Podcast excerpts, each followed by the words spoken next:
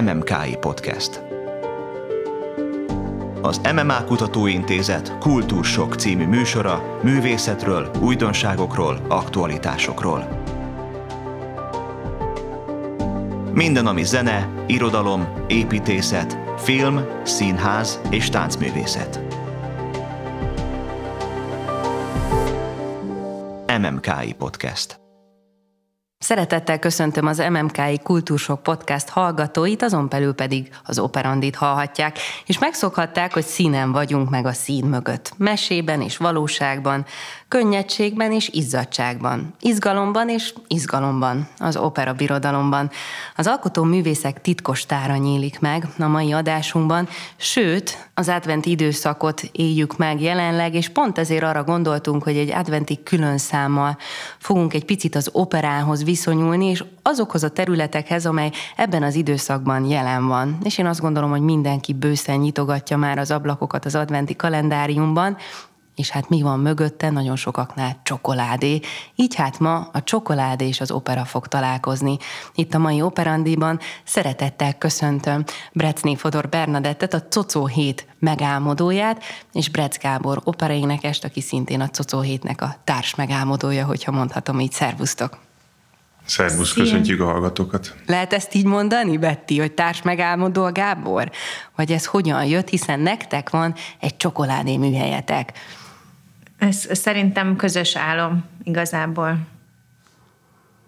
Gábor? Így van, így, így van. van. Így van. Együtt álmodtunk róla, és ö, aztán megtaláltuk Dél-Franciaországban azt a, azt a kiinduló pontot, ahonnan elindultunk ezen a, ezen a rögös úton.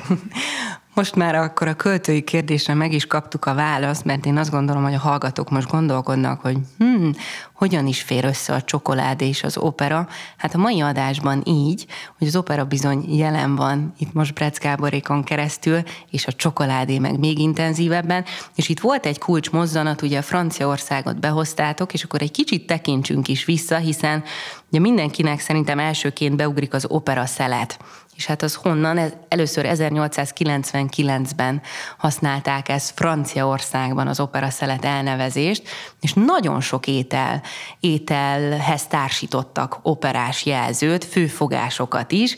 Hát nem véletlen ez? Akkor kanyarodjunk Franciaországba. Hogyan jött nektek? Hogy találkoztatok ott a csokoládéval? Gondolom ott azért a, a kifinomultság nem csak a kultúrában van jelen, hanem a gasztronómiában is.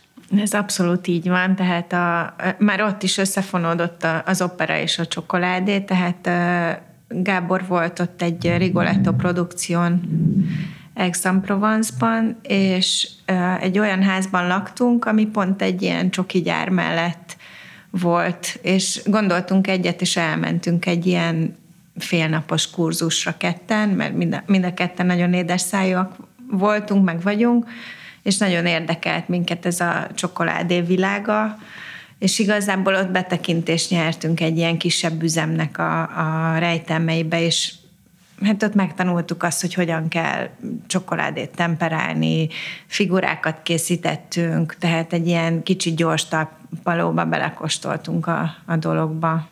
Én még a mai napig őrzöm a fotót magunkról, amit valaki készített rólunk fehér köpenyben és hajhálóban a gyárnak a, a bejáratánál, és arra is emlékszem, hogy én egy teknős, teknőst csináltam csokoládéból. Én meg egy bikát.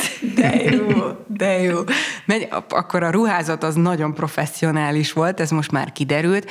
Mennyiben volt ez még annó újdonság, vagy mennyiben különbözik a kinti praliné csokoládé készítés az itthonitól, vagy most már ti ezt itthon megteremtettétek, és itthon is jelen van. Picit beszéljünk erről.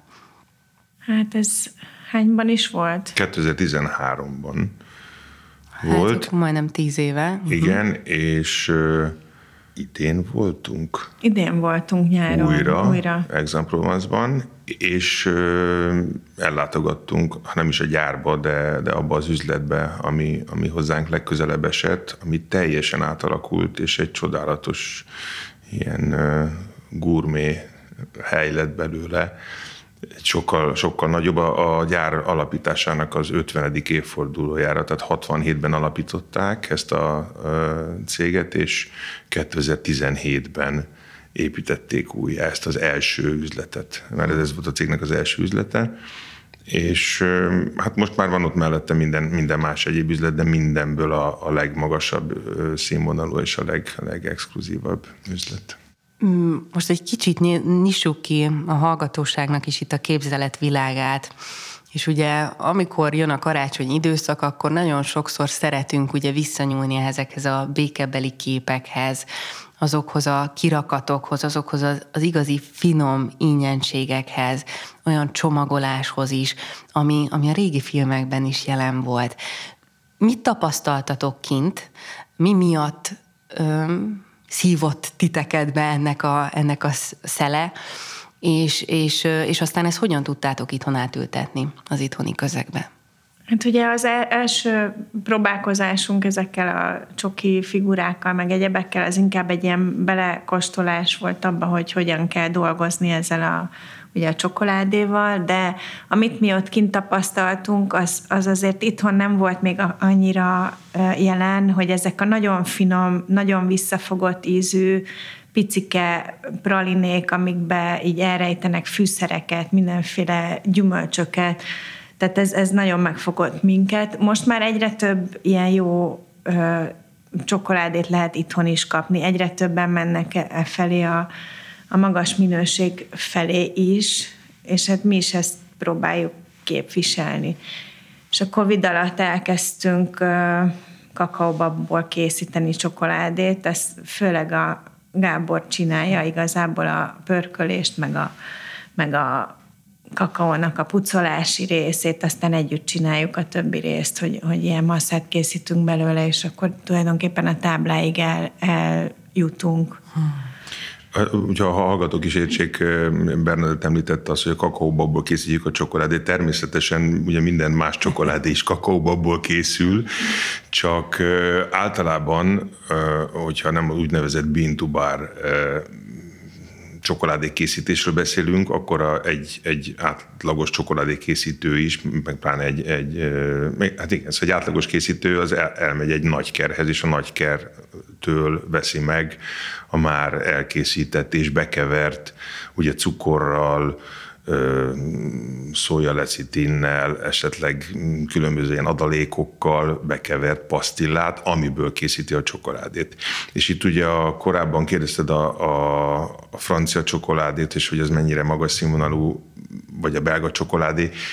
Amennyire én tudom, Belgiumban törvény szerint lehet különböző ízfokozót, vagy, vagy olyan adalékokat hozzátenni a csokoládéhoz, amiatt nem feltétlenül természetes, meg egészséges, ellentétben Franciaországgal, ahol viszont egy sokkal, sokkal egészségesebb és, és szigorúbb ellenőrzés után lehet csak ugye egy csokoládét készíteni. Ez egy nagyon izgalmas pont, akkor itt álljunk is meg. Tehát te Gábor, akkor most nem a diót pucolod otthon a beiglihez, hanem a kakaóbabokat töröd fel és, és pucolgatod.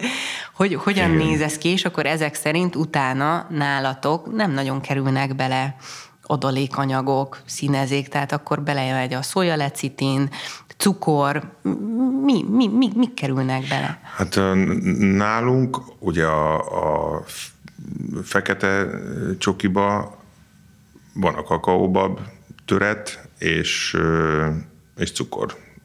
És akkor az úgy adja meg a százalékot, hogy hány százalék cukor van a, a kakaóbabhoz hozzákeverve. A, ez a cukor, ez, ez sem mindegy, hogy milyen cukor, milyen cukor. Ez egy vietnámi bionát cukor. Így oh. van, és a tejcsokihoz még hozzájön a tejpor, ami meg egy bio...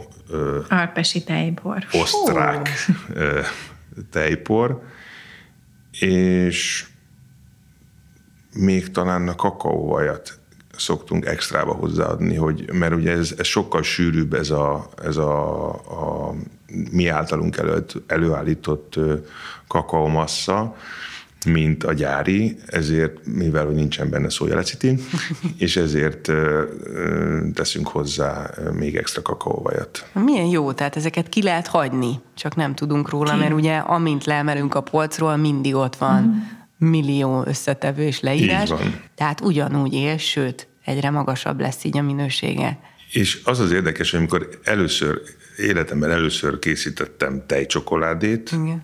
akkor hát a Bernadettől megkaptam a receptet, és hát elkezdtem ugye mixelgetni a dolgot. És akkor néztem, hogy hát ugye az egy kiló kakaómasszához öntöttem hozzá az egy kiló cukrot, meg még egy kiló cukrot, meg, és akkor néztem, hogy még kell bele cukor, és hát természetes, tehát az ember megnézi a bolti csokoládénak a összetevőjét, az első helyen a cukor áll egy tejcsokoládé esetén például.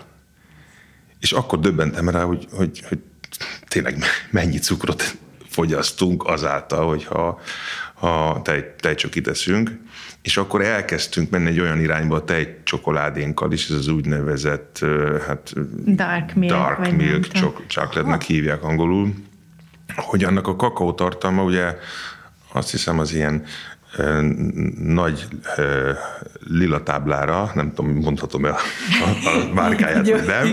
Tehát a, a boc, bocis lila, őnála ilyen 22 százalék a kakaó tartalom van, vagy 27, most nem, nem tudom pontosan, és mi pedig fölvittük ezt egészen, ugye hát a 40 az a minimum, de inkább ilyen Csináltunk 60, 60 60 Óriási különbség. És a sokkal zamatosabb, sokkal, sokkal finomabb. Milyen volt az első megtapasztalásotok a, a, a nagyon magas százalékú csokoládéval? Ízlet? Tehát, hogy van nagyon keserű volt nektek. Mi, mi a masszát is inkább... kóstoljuk, tehát Aha. kanállal esszük. tehát, igen. Sőt, egyre inkább Igen. mondom átárát uh-huh. az ízlelő bimbó. Igen, szóval a mai napig én, tehát ha meg, meg vagyok szorulva, akkor azért a lila bocis táblát is bevágom egy ütőhelyembe, tehát ez nem, igen, tehát ez nem nem problémát, de, de természetesen szoktatni kell az embernek magát a, a fekete csokihoz, és ez kicsit úgy vagyunk vele szerintem, mint a kávéval, hogy a kávét is régen teljel sok cukorral ittuk, most meg egyre kevesebb a cukor, vagy éppen ha teljel iszuk, akkor egyáltalán nem, nem teszünk hozzá cukrot, és csak a presszó kávéban egy, egy pici, pici cukrot teszünk. Hmm. Tehát ez, ez vált, lehet, hogy változik is az ízlés, de, de mondom, ha szok, szoktatjuk magunkat hozzá, akkor, akkor Sőt, nagyon fontos pont, ugye manapság rengeteg, rengeteg ugye különböző ételallergia, különböző érzékenységek, ételérzékenység. Itt akkor nálatok ez kiküszöbölésre kerül valamilyen szinten. Ez abszolút, tehát az étcsokival mindenféleképpen, tehát abban se szója, se tejtermék nincsen, illetve most kipróbáltunk egy vegán fehér csokit is, amit zab zabbal készítettünk, és nagyon-nagyon finom lett. Jó, finom, Gábor, itt kerekedik igen. ki a szemed. Igen, igen, igen, igen, igen, igen, finom. Ugye nagyon fontos pont az, hogy Hát, hogy mik az összetevők, és akkor itt egy kicsit, hogyha már az adventi időszakban vagyunk, pont a minap édesanyámmal kerestük ki az internetről, mert mondta, hogy ó, hajdanán még a, a karácsonyfára is ilyen különböző csokoládé figurákat lehetett felfüggeszteni. Nyilván más volt annak az összetétele, vagy amit hajdanán a Mikulás hozott, és amit meg most hoz, akár hozzátok a boltba. Mi van ott?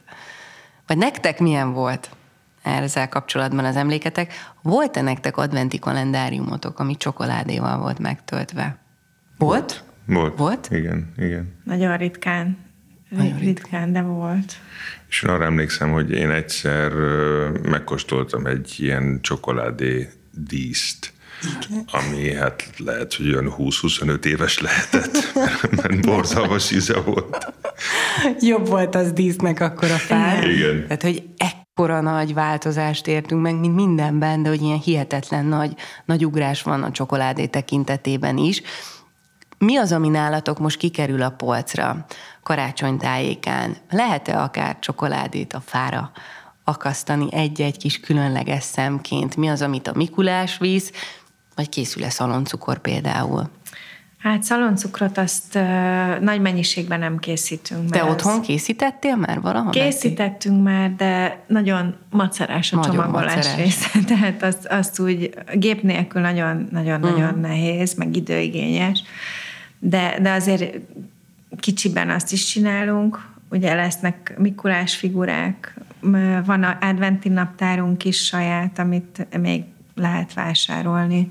Illetve jönnek a beiglik, a gyümölcskenyér, marcipános kuglóf, meg mindenféle ilyen ünnepi torták, úgyhogy és, és rengetegféle csoki, ami ilyen mézes kalácsos, most pont most csináltunk múlt héten narancsos, meg szóval ilyen nagyon különleges finom csokikat.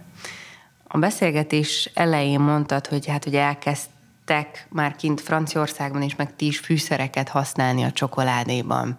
Milyen fűszerek jöhetnek képbe, és ennek miért van nagy jelentősége vagy jellegzetessége? De az ember ugye mindig újra és újra tanul, tehát például én, én nem olyan rég tudtam meg, hogy az epernek az ízét jobban kihozza a bors. Hogyha egy pici borsot rakunk hozzá, ezt, ezt nem tudtam, és kipróbáltuk, és tényleg a borsot nem is nagyon érezni, de az eper, eper az kijön. jobban kijön. Aha. Meg van, vannak ilyenek, amiket úgy, de szerintem így az embernek a fantáziájára van ez bízva, hogy mit, mit szeret, mivel, meg hogy mit mivel ötvöz. Mi, e, mi most készítettünk egy, egy cseresznye virágos bombont, amiben robbanó cukor van, és pipadohány. És ez ilyen nagyon-nagyon komplex, komplex ízű. Ez, ez hogyan született meg, ez a kreáció? Az, hogy robbanós cukorka is, cseresznyevirág, hát ő zseniális, mert már is szeretnék itt robbantgatni, de hát nem lehet a számban. De nem lehet, tehát hogy, hogy ez, egy, ez egy igazi kis finom csomag, és esztétikai élmény is, amikor rá lehet, ránézünk a pralinéra. Tehát ebben nagyon sok minden, ez is egy összművészeti műfaj, mint az opera, mondhatunk ilyet, Gábor? Annyi minden találkozik. Milyen, milyen küllemmel lehet-e? Most az elmúlt időben ugye sokszor találkoztunk olyannal, hogy, hogy akár aranycsillámmal megszort pralinék, tehát ilyeneket már lehet bőszen használni, ezek is teljesen egészséges, és már úgy lehet festeni, én, én nem csokoládét. szeretem nagyon. Nem? Tehát uh, szoktunk mi is néhány bombont így uh-huh. festegetni, de mi, én, én nem annyira ezt a vonalat szeretném. Tehát a, a, pont a franciák egyébként uh, inkább ilyen nagyon minimál stílusba csinálják a bombonokat, nem használnak sok festéket. Van most ez a divat, hogy ilyen gyönyörűen márványosra festett bombonok, mint a cukorkák úgy néznek ki. Nekem az íz, én, én az ízében is érzem, hogy nem, nem olyan, mint a, Aha, amikor nincs festve. Hm. És nem szeretem azt a sok festéket megenni, mert azért az csak nem lehet természetes. Pontosan, jó ezt hallani. Hogyha már a, az esztétikáról beszélünk, és a külalakról, és ugye felidéztem itt ezeket a békebeli képeket, lehet, hogyha nem is tudatosan, tudat alatt vajon merítkeztek-e akár egy operának a díszleteiből. Most jön a bohém élet, Gábor szerepelsz benne. Több mint 70 éve egy olyan díszlet és rendezés van színpadon, ugye még az Olá Gusztáv és Nádasdi Kálmán féle előadás, ami mind a mai napig óriási sikert arat. Ezek a képek az a, az a, az a terített asztal, mert beszéljünk róla, mert van olyan rész, amikor eztek, vagy csak úgy csináltok, ezt nem tudjuk. Azok a kandelláberek. Szoktál? Jól van. Hatnak? Hatnak rátok? Tehát, hogy nem ez a ultramodern Mikulás figura jön majd gördeszkán, gondolom, a cocóhét kirakatában, tehát hat rátok?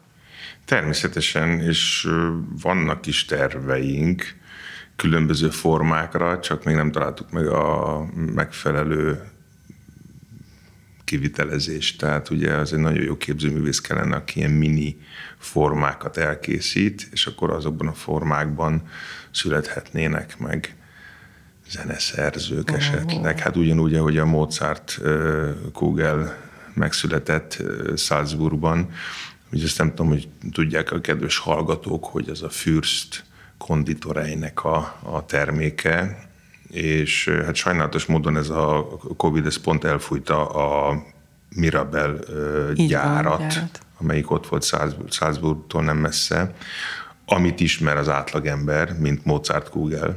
De a kézzel készítettről nem tudunk Igen, az viszont ez a, ez, a, ez a, ami az eredeti, a tényleg eredeti Mozart Kugel, az a, az a Fürst cukrázat csinálta először, valamikor a 19. század végén, és amennyire e, utána olvastam, és emlékszem, ha jól emlékszem, akkor Salzburgban, Bécsben és Budapesten volt még a monarchia idejében ennek a cukrászdának üzlete. Hm. De már sajnos a, hát a budapesti már rég nincs meg, de a bécsi sincs meg, hanem csak ott Salzburgban, de ez még mindig a, annak a családnak a tulajdonában van. És ott nem, nem is a, a Mozart kugel a legfinomabb szerintem, hanem a Bach Würfel, tehát a Bach kocka, Na és mi van, mi van Bachban benne? Az hú, miben már? Diós praliné volt benne. Diós praliné, de talán Meg kis, kávé is volt igen, benne. Szóval az, tehát az egy ilyen kávés nagyon, diós, nagyon finom, nagyon finom. Nagyon finom. Tehát én képes vagyok, amikor így át, nem, nem is szádburról megyek, hanem átmenőbe megyek, akkor egy extra órát áldozni rá, hogy bemenjek, leparkoljak, elsétáljak. Ugye ez a, a sétáló részén van Salzburgnak tehát sokáig tart oda menni, De és emlékszem, hogy volt egy olyan, ugye szoktunk síelni, menni picit tovább, mint, mint Salzburg Cellemzéba, és volt egy olyan alkalom, hogy hazafelé menet megálltam, bementem, és zárva volt. Jaj, ez annyira rossz, ez a csalódás, amikor az ember... Ott, ott rátapadva, mint egy ilyen kisgyerek a, az ablakra kívülről, ott nézegettem a Mozart kugeleket, ahogy mosolyognak rám bentről. Jól laktál velük? Hát sajnos nem, sajnos, sajnos nem. nem. Milyen, milyen jó ezt hallani, tehát hogy a zeneszerzők életre kelnek itt csoki formájában is, Habár az az eszencia, hogy ez a finomság másképpen, de jelen van, hogy gondolkoztok ilyenben. Tehát akár a, a díszletekre akkor most visszatéve, vagy a Mikulás figurára. Betty, tehát millió előadást láttál, mész mindig Gábort nézed, uh-huh. nyilván hat rád is, mint alkotóművész az, amit látsz díszletekben. Hát abszolút, igen. Hát ha, ha segíthetek, ugye pont Salome előadás annyira hatott Bernadettre, Igen. hogy a maszkmesteremtől megkapott, ugye, ö, hát az még egy korábbi Don Quixote előadáson olyan, olyan sok ö, arcplasztikát kaptam, hogy Sajapinnak nézzek ki, ö, hogy egy műanyag lenyomatot készítettek a fejemről, és hát az, és fantasztikusan működik, mint csoki forma, tehát hát, ezt gyönyörűen ki lehet önteni. Elképesztő. Ilyen, de, hát élethű. Hát akkor itt álljunk meg, akkor szeretném hallani egyrészt egy picit a folyamatát annak, hogy nálad hogyan készült el a maszk, milyen anyagból, mennyi, mennyi idő, hogyan nézett ki ez az átváltozás, és utána, hogy ez csokoládé formájában, hogy néz ki. Ez a produkció 2019-ben volt Brégenzben, és ez Masné Don quixote volt. És ezt a darabot az 1910-es években Monte Carlo-ban mutatták be először, és Masné tulajdonképpen Sajjapin, a jó barátságban volt, és Sajjapin kérte, hogy az ő gyerekkori legkedvesebb könyvét zenésítse meg, és hát ennek megfelelően öt felvonásban, mindegyik felvonásban elejétől végéig ott, ott kellett énekelni, mert gondolom Sajjapin arra ügyelt, hogy mindig színen, jelen, színen jelen legyen. legyen. De egy csodálatos opera, és a, a rendezői koncepció az úgy, úgy szólt, hogy, hogy Monte Carlo-ban kezdek, mint Sajapin, és ott is végzem, tehát az első meg a, a, az ötödik felvonás nál én Sajapinnak voltam álcázva, illetve maszkírozva. Az ötödik felvonásban ez csak egy gyors maszk lehetett, ugyanis a, a gyors változásban nem volt arra idő. Más, több mint másfél órát ülök ilyenkor az előadás előtt a, a, smink, sminkben. a sminkben. És ezek ilyen szilikon protézisnek hívják, amit az arcra tesznek rá, uh-huh. ráragasztják arra, arra megy rá a, a maszk, természetesen kapok egy ilyen kopasz Először sapkát, olyan, egy úszósapka. Harisnyával, vagy mivel? Ez, ez, Ilyen ez egy ilyen elasztikus gumi, és akkor arra még ugye paróka, de, de nagyon, nagyon, nagyon élethű volt. Tehát én magamat nem ismertem föl a, a fotó alapján. Annyira, annyira profi volt a, a maszkmester. Teljesen. És akkor a, a premier ajándékba, illetve hát a végén, amikor már többet, mert ugye ő a két előadás között arra a lenyomatra készítette el ezeket a szilikonformákat mindig kézzel. Mert úgy van ugye, hogy több formát tettek az arcodra, és utána Igen. felhúztál még egy nagy gumiformát rá, vagy nem? nem Apró a, tehát a gumiformát a legvégén húztam, de az egy ilyen sajapin állarc Állarc, volt tulajdonképpen, igen. és az elején pedig azokat a darabkákat, amitől én sajapinnek néztem ki, szilikonból Tehát az ragasztották arcod föl. formája, a Igen, szemöldököd, az a államat, az arccsontomat, ugye, hogy az élesebb legyen. Elképesztő. Hát ez tényleg plastika már egyfelől. Igen, igen. Igen, és akkor így megtörtént az átalakulás, és Bernadett pedig látta, és már is miközben várta, hogy tehát átalakuljál, megérezett, és már a fantáziája beindult, hogy, Ez, hogy azt, azt hiszem lehet. az első, első alkalom az pont egy, egy ilyen baráti vacsora meghívásom Igen, volt. ahol szertartásosan me- megettük a fejét. Igen. És pont, ha jól emlékszem, a G- Gégész ö, barátunk is ott volt, és... És ő az or- orrodat tette. se, Nem, senki nem mert törni a fejemből, mert ugye körbe voltak rakva ilyen pralin, tehát csokoládé, ilyen bombonokkal, Igen. és akkor ő volt az első, aki így a torkomat letörte.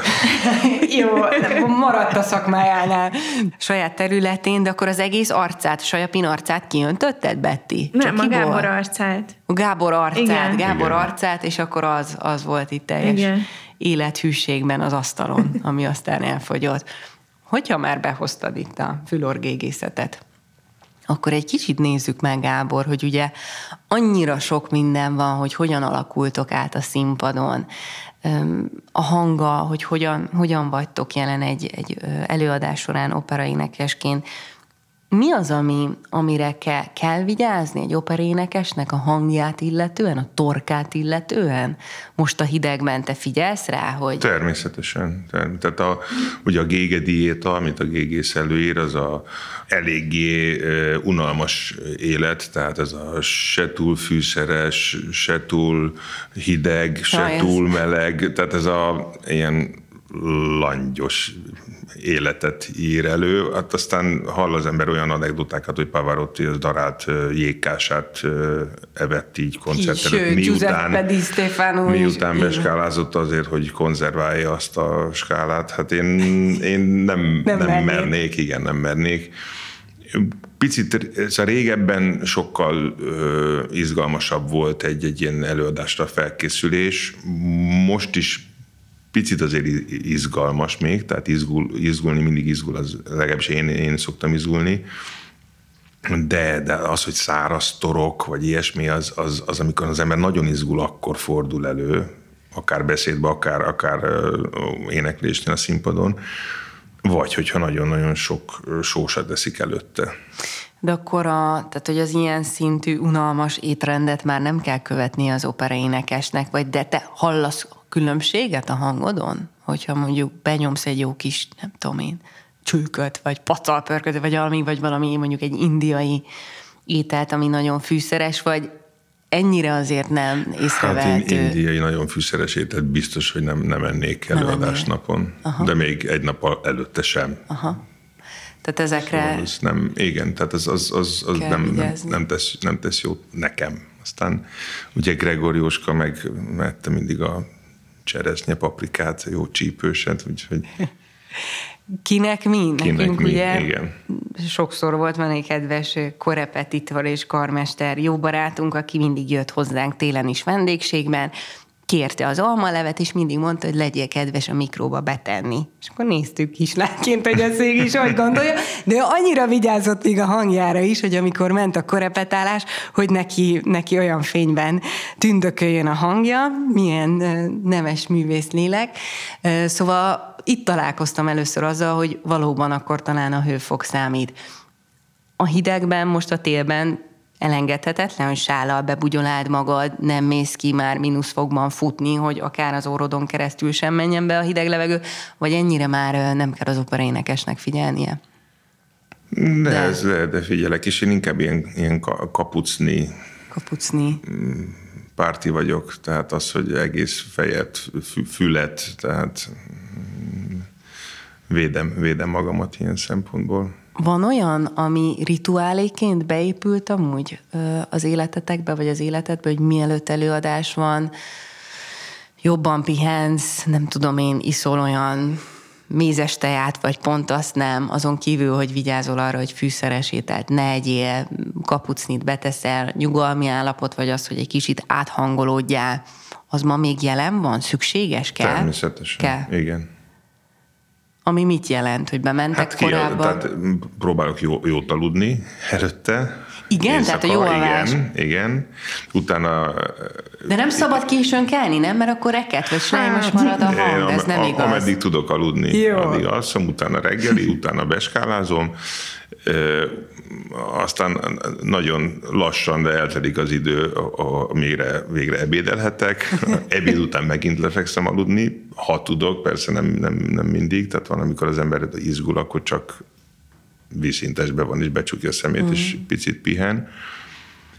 Ébredés után megint, megint beskálázom, utána bemegyek a színházba, ott még egy-egy skála, tehát ez napi három, három skála. Nem órák hosszan tartó, hanem csak egy ilyen 10-15 perc. Hát azért ez egy... Kvázi megnyugtatom magam minden alkalommal, hogy még okay, megvan még a hangom, szóval. még, még oké. Okay, még oké, okay, még oké. Okay. Mm, ezt, ezt én azt mondanám, hogy ez valamilyen szinten egy sportolói életmód. Betty bólogat nagyon. Így van ez? Te Szerintem abszolút így van. Mi az, amire, ugye mondtátok az elején, hogy édes szájúak vagytok. Szükséges egy férfi operaénekesnél, vagy akár a hölgyeknél, hogy egyen sokat, ne az előadás előtt, legyen nagy a hasa, hogy legyen miből támasztani. Vagy ez a kettő nem függ össze? Hát, szükség, szükséges, de hát ez, szóval erre is vannak ellenpéldák. Uh-huh.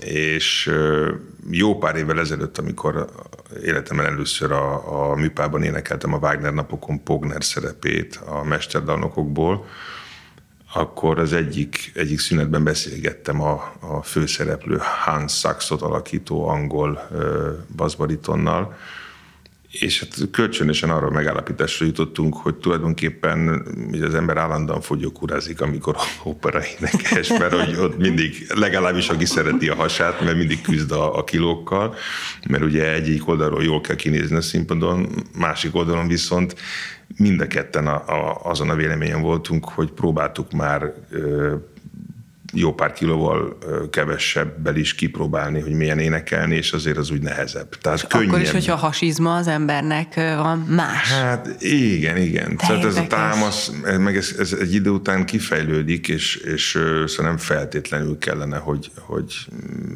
plusz 10-15-20 kiló legyen egy, egy operénekesen, de érzetre sokkal, sokkal jobb, sokkal hm. kellemesebb. Milyen érdekes ez. Nagyon. Ez fur, furcsa, furcsa, igen. furcsa. Pláne az, amikor én próbáltam már, hogy, hogyha egy nagyon gyorsan fogytam, akkor teljesen olyan, mint hogyha ilyen talajvesztett le, lenne a, a hangom. Tehát, hogy, hogy nem, nem érzi az ember, hogy hol, hol kellene levegőt venni, hogy kellene támasztani. Hmm. Tehát azzal is vigyázni kell. Nagyon, nagyon érdekes. Hát akkor pláne itt biztatjuk azokat a kedves hallgatókat, akik operénekesek, vagy annak készülnek, tanítványaidat is, hogy azért néha-néha egy finom cocó bombont nyugodtan be lehet kapni, túl hamar, nehogy el megszűnjön az a hastámasz.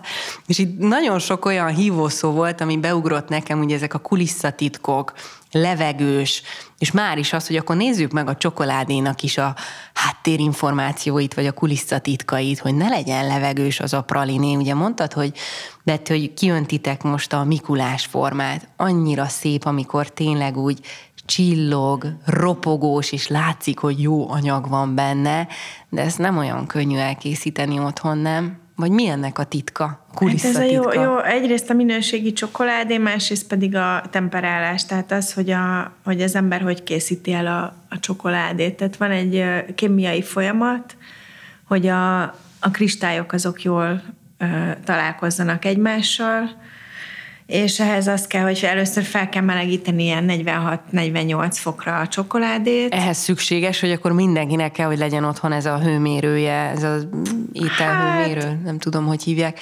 Vagy nem, ez... árt, nem árt, hogyha van egy hőmérő, uh-huh. de mondjuk mikróba is fel lehet melegíteni a csokit, Aha. és utána szépen lassan vissza kell hűteni. Ehhez most, hogyha ha van mondjuk egy hideg felület, egy márvány, vagy valami, akkor az, úgy, az úgy jó és közben mozgatni kell, és visszahűteni attól függően, hogy most uh, étcsoki vagy tejcsoki. Tehát ez olyan, mint amikor a kirakatban látjuk, hogy vagy amikor a falat is ugye ott a glettelésnél, és spatulával, igen. tehát hogy ide-oda az a mozgatás, igen, és akkor hűl igen. vissza a és csokoládé. Akkor, tehát a mozgatás és a hűtés az, a, ez, ami okozza azt, hogy utána, amikor me, jó hőmérsékleten kijöntjük a formát, akkor akkor utána ez roppan és, és olvad a szájban. De akkor meg lehet ezzel próbálkozni meg. otthon, nem? Tehát akik most meg. hallgatnak, akkor nekik adhatunk egy ilyen segítséget, hogy egészen nyugodtan csak akkor ezt be kell tartani, tehát körülbelül 40, 40 fokra. Lehet valahogy ezt lemérni, vagy hogy mi az a, hogyha nincs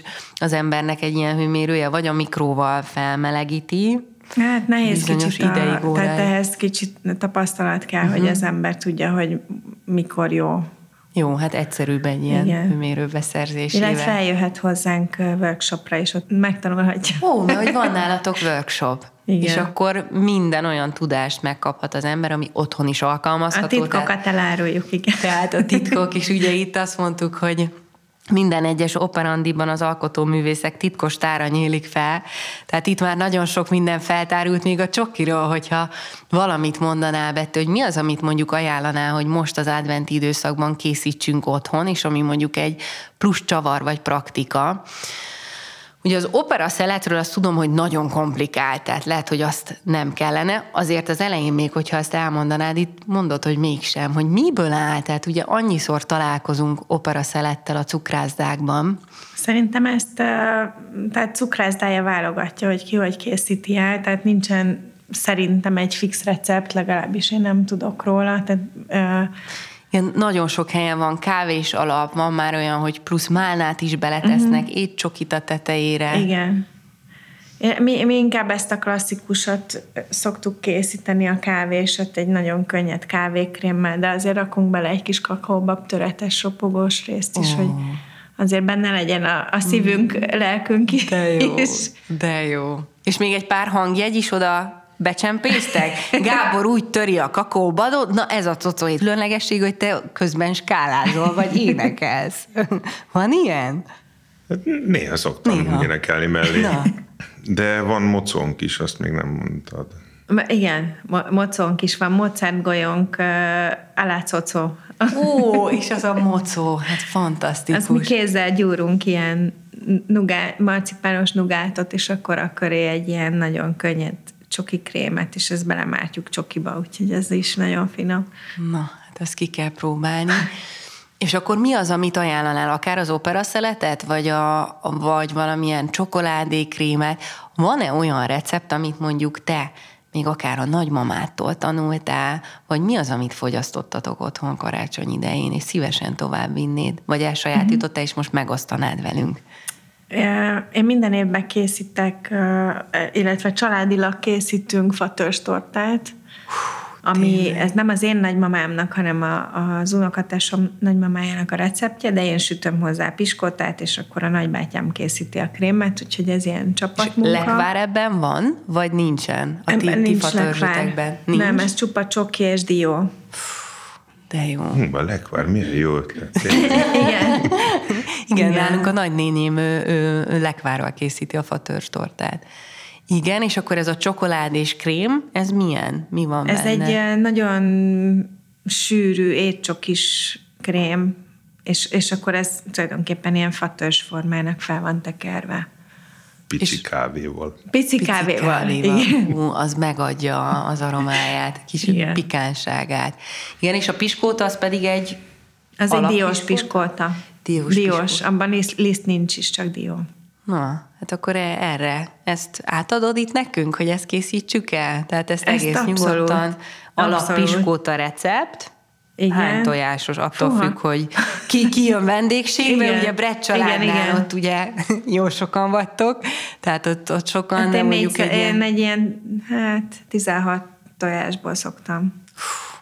Igen, azt elkészíted, az ala- és raksz a piskotába már diót.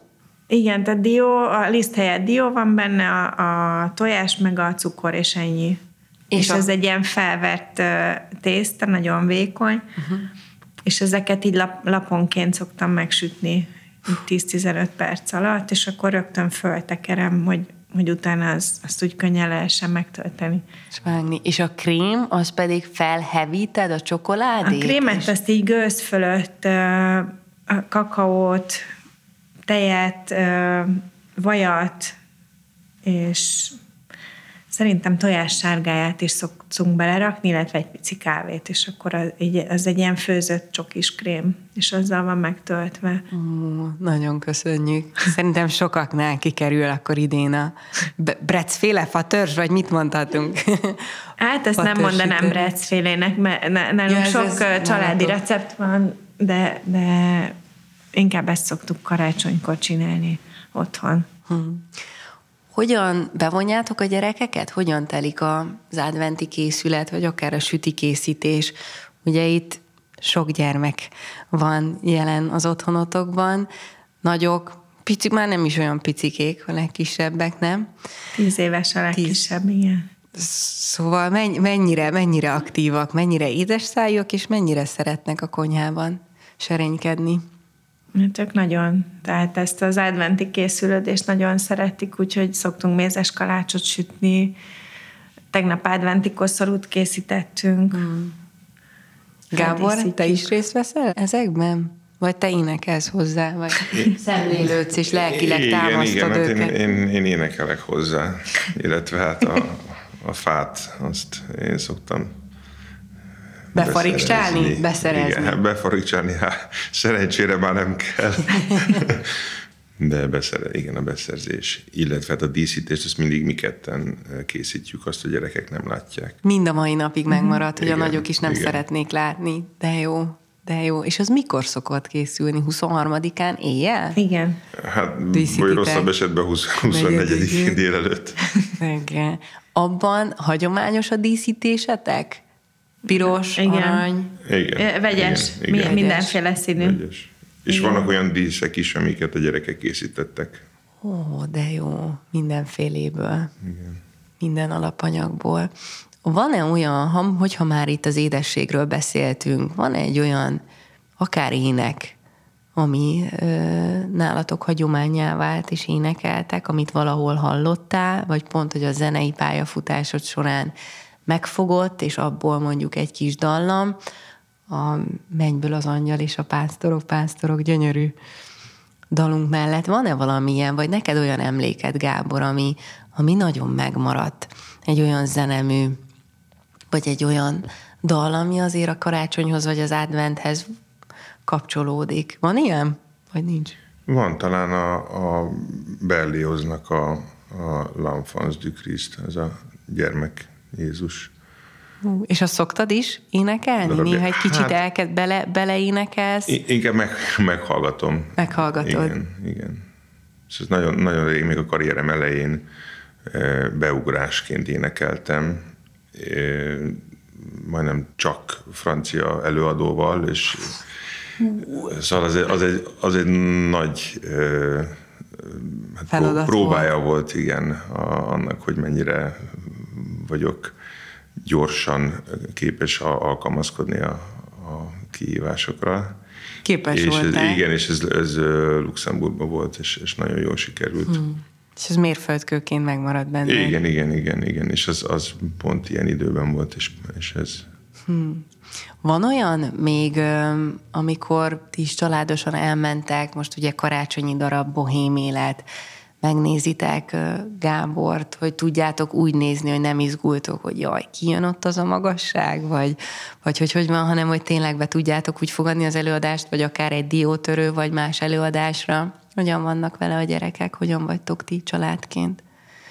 Hát ők nagyon szívesen jönnek. meghallgatni. Szoktak izgulni apáért, vagy ők teljesen tudják függetlenül Azért szoktak ettől? szerintem. Igen. Szoktak, bár, bár sokszor a darabot nem annyira ismerik, tehát nem tudják, hogy mikor kell izgulni. Igen. De te igen. Hát, én jobban, jobban. jobban, én jobban azért, igen. Én én mindig izgulok.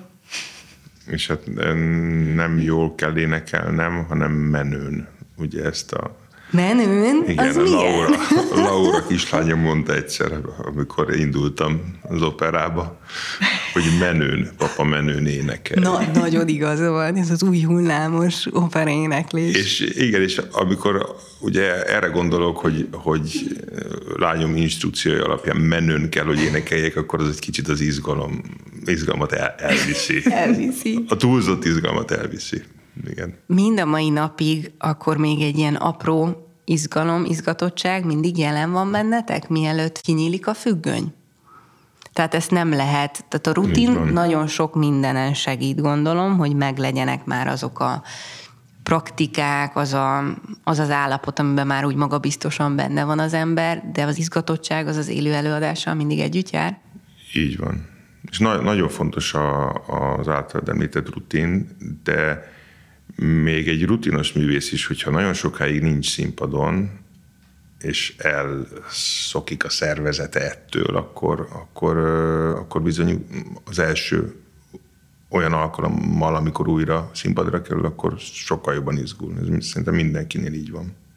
Van olyan, amit, amit szoktál, amit most már így tudsz magadnál, hogy hat, hogy inkább nem szólsz akkor az emberekhez, befelé fordulsz, elkezdesz, nem tudom én, hangosan számolni, olyan, nem tudom én, légzésgyakorlatot csinálni, vagy ez csak annyi, hogy jó, ott van, kiállsz a színpadra, akkor még jelen van, és akkor elszáll.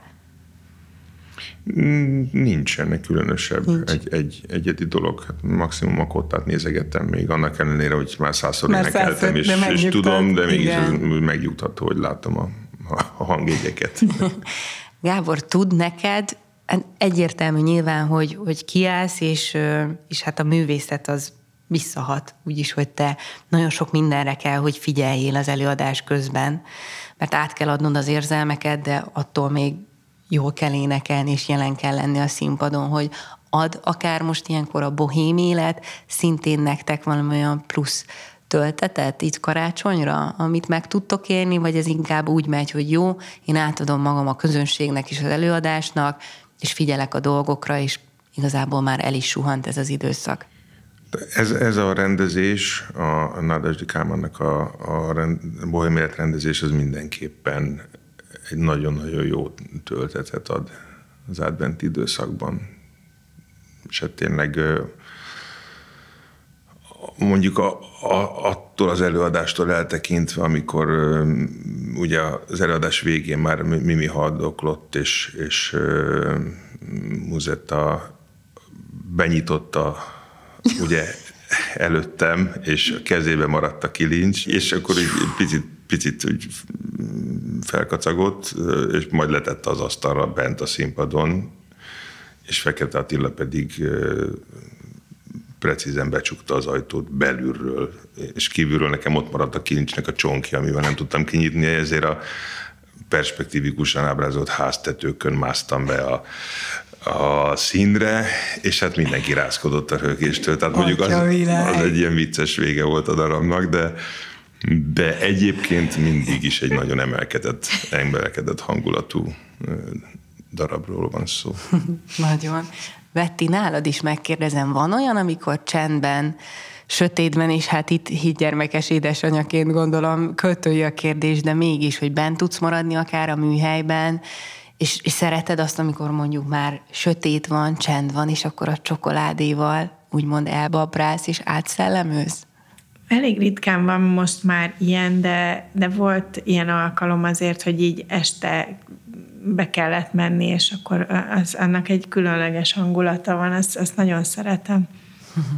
Meg amikor mi ö, éjszaka mondjuk nekiállunk otthon kakaót pörkölni, mert gyakran ez így éjszaka szokott előfordulni, annak is van egy emelkedett hangulata. De jó, de jó. Gyerekek örülnek neki, vagy nekik meg sem hallják, mert olyan mélyen alszanak? Hát ők az illatok után mennek, tehát ők ezt abszolút érzik. Milyen jó, hogy ez is egy ilyen nagyon különleges program és közös program, ezt nem, nem sokan művelik ezt éjszaka a konyhában, hogy kakaóban, babot, meg kávébabot pörkölnek. Tehát ez egy, ez, egy, ez egy nagyon jó program. Nektek is, nem? Tehát, hogy Igen. ez egy teljesen új érdeklődési kör. Nagyon köszönöm, hogy megosztottátok velünk ezeket a gondolatokat. Remélem, hogy sikerült, hát egyrészt nagyon sok praktikát ellesni, és elkérni tőletek, másrészt egy picit tényleg benne lenni, és még jobban hangolódni az advent időszakra, mert minden ilyen során, akár egy csokoládé készítésben már benne van az idő és a figyelem, és sokkal jobban át tudunk szellemülni, és hát egy, egy opera előadás során ugyanígy, amikor beülünk, és, és az előadás és általatok átszellemülünk, ez megtörténik. Szóval köszönöm szépen, hogy eljöttetek. Végezetül, ugye Gábor, te már mondtál egy részletet, hogy mit érdemes, vagy te mi az, ami számodra különösen kedves mm, Berliosztól meghallgatni. Betty, neked van olyan, amit te karácsonykor mindig külön szívesen megnézel az operában? Ha Gábor benne van, ha nincs, vagy hogyha együtt. Szoktatok-e együtt még úgy előadásra menni, hogy te nem énekelsz, és csak beültök ketten megnézni egy előadást? Hú, nagyon, nagyon ritkán. Ritkán. De előfordul. De van. Előfordul azért, de, igen. de, de ritkán, igen. Van Ne, olyan? nekem, nekem ez a bohém élet, ez, ez, ez nekem is szívem csücske. Akkor ajánljuk a hallgatók figyelmébe, hogy miután befejezték ezt a jó kis podcast beszélgetésnek a meghallgatását, még tegyenek be egy, egy bohém életet, igazából bármely részlete gyönyörű. Az egész operát is meg lehet hallgatni, miközben temperáljuk a csokoládét a márványpulton otthon, És készül a fatörzs. és készül a fatörzs, így van, és még hogyha serény férfiak vannak, Brecz Gáborhoz be lehet jelentkezni, hogy hogyan lehet a kakaóbabot törni, még azt is lehet akkor a háttérben készíteni. Ezzel kívánunk mindenkinek további szép, meghitt adventet, hogy kellőképpen tudjon mindenki készülni és elmélyülni, és akár az előadásokra is elmenni. Köszönöm szépen, hogy itt voltatok. Önöknek pedig köszönöm a figyelmet, és hogyha tehetik, ne is kapcsolják ki a kultúrsoknak a különböző podcast adásaid. Várjuk Önöket legközelebb is, még adventi külön számmal a Viszonthallásra.